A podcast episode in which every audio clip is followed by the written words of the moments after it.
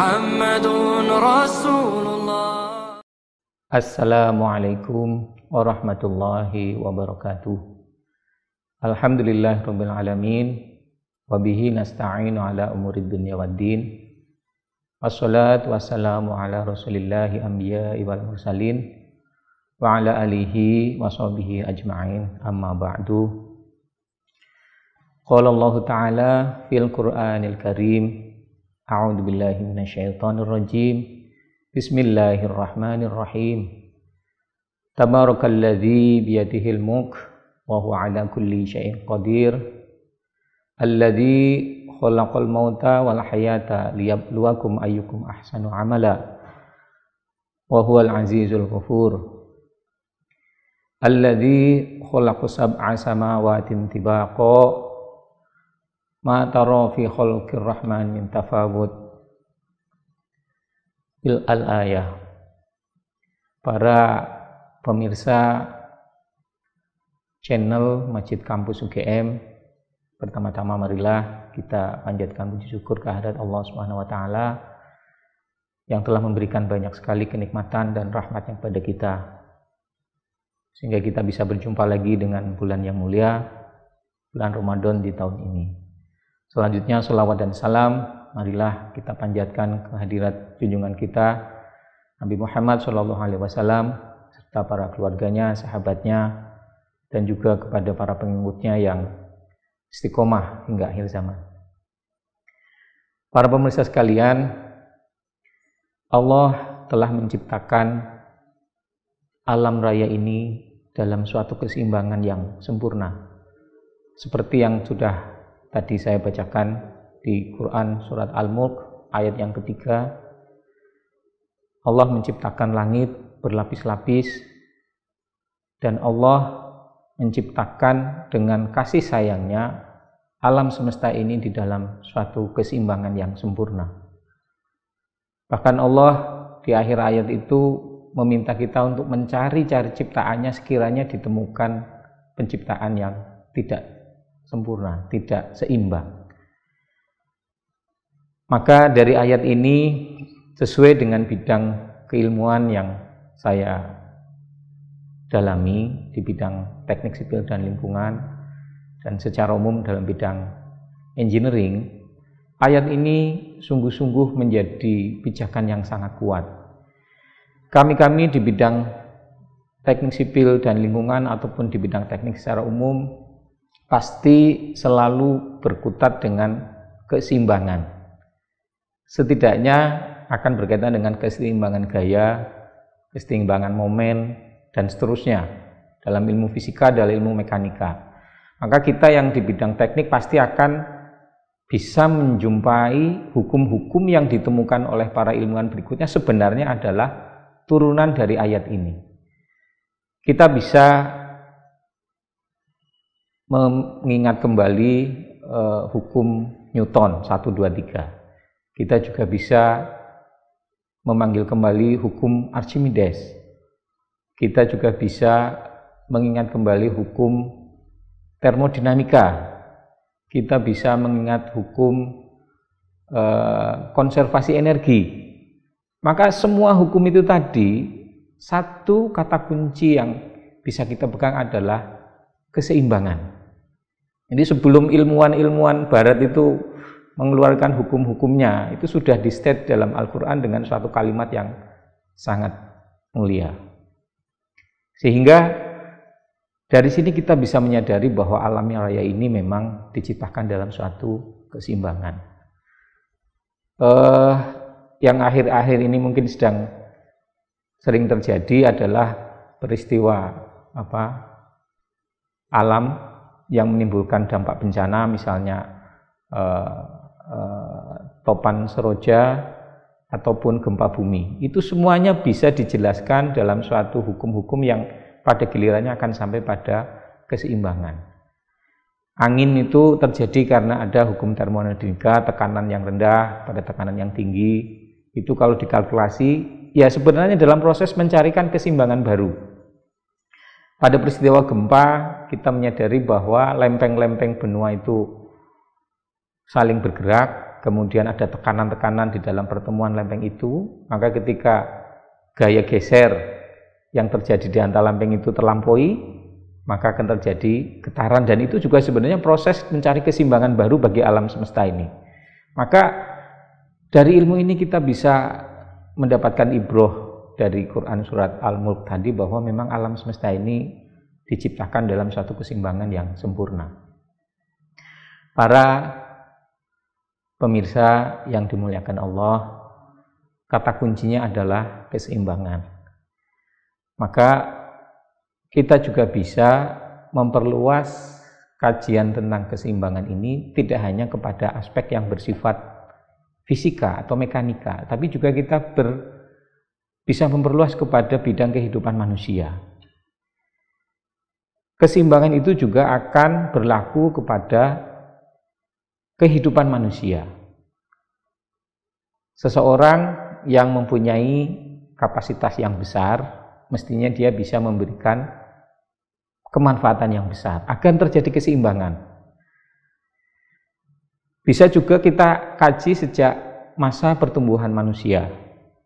Awalnya lahir anak-anak tidak bisa berjalan, kemudian bisa berjalan, makan masih disuapi, maka keseimbangan hidupnya masih harus dibantu oleh orang tuanya, terutama ibunya. Semakin dewasa, dia sudah bisa mulai menata dirinya, maka keseimbangan hidupnya juga berubah. Setelah kuliah selesai, kemudian dia mungkin bisa bekerja, maka dia juga bisa membangun keseimbangan baru bagi kehidupannya. Artinya apa? Keseimbangan itu dinamis, tidak statis, sesuai dengan situasi dan kondisi yang berlaku pada suatu kondisi manusia tertentu.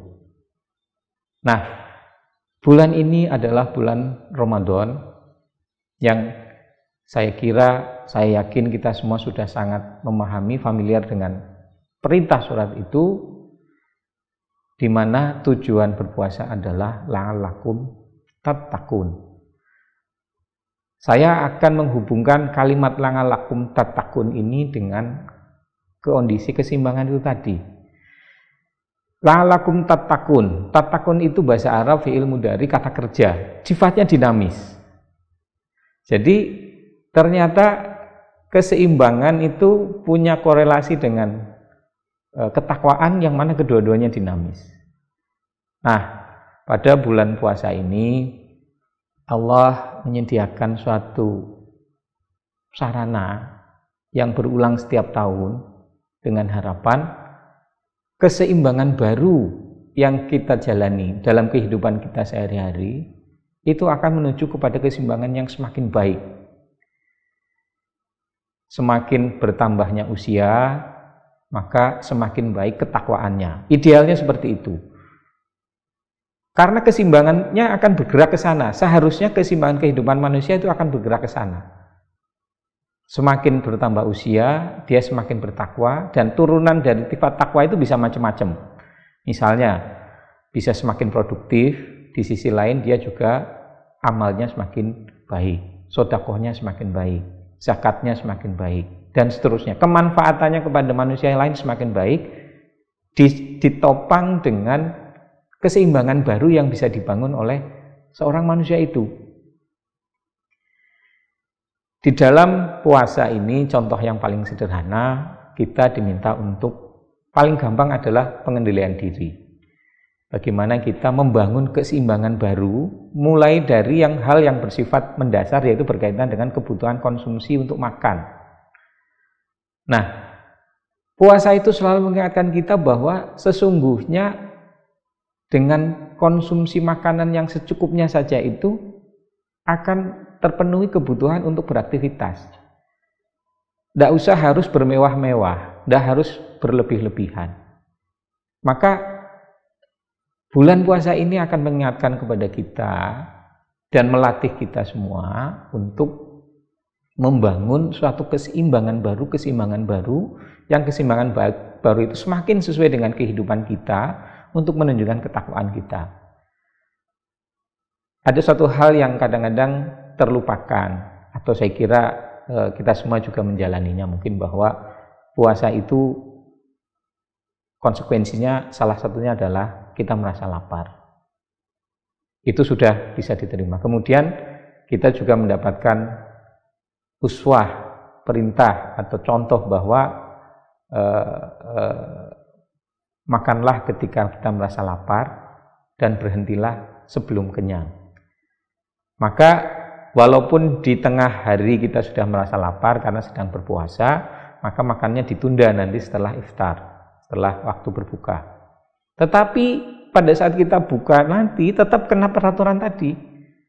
Jangan kemudian kita makan tidak terkendali karena jangan sampai kita merasa terlalu kenyang karena kita harus berhenti sebelum kenyang. Nah, pelatihan-pelatihan seperti itu dan bisa diharapkan berdampak kepada aspek-aspek yang lain kemudian bisa memberikan perlatihan kepada kita untuk mendapatkan keseimbangan baru. Contoh keseimbangan baru yang harus dilatih adalah apa? Banyak beribadah malam hari. Artinya apa? Waktu tidur mungkin akan berkurang. Tetapi di sisi lain, kita diharapkan untuk memperbanyak ibadah di malam hari, sementara di siang hari kita diminta untuk bisa menahan lapar dan menahan godaan yang lain. Artinya apa? Di sini diperlukan pelatihan untuk membangun keseimbangan kehidupan yang baru yang diharapkan bisa meningkatkan ketakwaan. Sehingga sekali lagi keseimbangan yang harus kita jalani itu adalah keseimbangan yang paling sesuai dengan diri kita. Tetapi frame-nya harus dalam format menuju untuk ketakwaan. Para pemirsa yang dirahmati Allah, sekarang kita masih berada di era pandemi eh, COVID-19 belum berakhir. Mari kita berhusnuzon bahwasanya alam ini sedang diperintah oleh Allah untuk membangun suatu keseimbangan baru dengan skenario yang dibuat Allah. Kita dilarang untuk berprasangka buruk kepada Allah. Ini tidak boleh. Kita harus bersangka berprasangka baik, maka salah satu alternatif bahwa kita ingin berprasangka baik adalah bahwa pandemi ini adalah skenario yang ditakdirkan Allah agar alam bumi ini mencapai suatu keseimbangan baru. Yang mungkin kita tidak tahu pada bagian mana keseimbangan itu sedang diusahakan atau sedang dituju. Bisa saja sekarang kita bisa melihat tanda-tandanya bahwa data-data pencemaran udara itu sekarang e, berkurang banyak. Karena apa? Turunnya aktivitas produksi, pabrik-pabrik, transportasi, dan manusia itu mungkin salah satu parameter yang sedang memaksa alam raya ini untuk mencapai suatu keseimbangan baru. Maka di tengah bulan Ramadan yang mulia ini, masih di tengah masa pandemi ini, marilah kita bersama-sama belajar, berusaha mencapai suatu keseimbangan baru yang gilirannya adalah keseimbangan itu akan menopang kepada ketakwaan kita yang lebih baik. Setiap tahun kita akan berlatih untuk mendapatkan keseimbangan-keseimbangan baru dan pada gilirannya tahun depan dan tahun yang akan datang kita akan punya kualitas ketakwaan yang semakin meningkat dengan berlatih di bulan yang mulia ini. Para pemirsa channel eh, Masjid Kampus UGM, Allah adalah zat yang maha pengasih dan maha penyayang. Apa pun yang sekarang ini terjadi, salah satu di antaranya adalah uh, pandemi COVID ini harus sekali lagi kita terima dalam frame ini adalah bagian dari kasih sayang Allah kepada kita. Maka dengan itu kita bisa ikhlas, bisa menerima dengan uh, tanpa uh, tanpa Eh, rasa marah, tanpa rasa kecewa, ketika kita bisa menyadari bahwa apa yang sekarang ini sedang dijalani adalah bagian dari kasih sayang Allah. Namun sebagai manusia yang dibekali dengan akal budi, kita harus tetap berusaha, harus tetap berikhtiar. Dan usaha dan ikhtiar itu sekali lagi juga tidak lepas dari bagian-bagian untuk mencapai keseimbangan-keseimbangan yang lebih baik. Contohnya pada saat kejadian gempa, itu adalah proses keseimbangan yang sedang terjadi di alam, maka ada dampaknya. Dampaknya apa? Bisa saja ada rumah bangunan yang rusak. Maka kita harus berusaha untuk menyeimbangkan itu semua juga. Bahwa di dalam ilmu bangunan itu ada persamaan-persamaan dinamika struktur yang pada gilirannya kalau persamaan keseimbangan struktur itu tercapai, maka bangunan kita akan akan bisa bertahan dan kita tidak menjadi korban. Artinya apa? Manusia diberi akal budi untuk mensinkronkan kehidupannya agar seimbang dengan proses-proses penyeimbangan yang dilakukan oleh Allah. Nah, ini yang harus kita pelajari, kita usahakan sehingga pada gilirannya kita semua bisa menjadi manusia yang semakin seimbang, semakin bertakwa dan bisa semakin memberikan kemanfaatan yang semakin banyak kepada orang lain seiring dengan bertambahnya usia dan pada saat gilirannya kita nanti akan dipanggil, kita tidak tahu kita berada pada kondisi ketakwaan yang paling baik. Demikian yang bisa saya berikan, kurang lebihnya saya mohon maaf. Bila taufik wal hidayah. Assalamualaikum warahmatullahi wabarakatuh. La ilaha illallah Muhammadun Rasulullah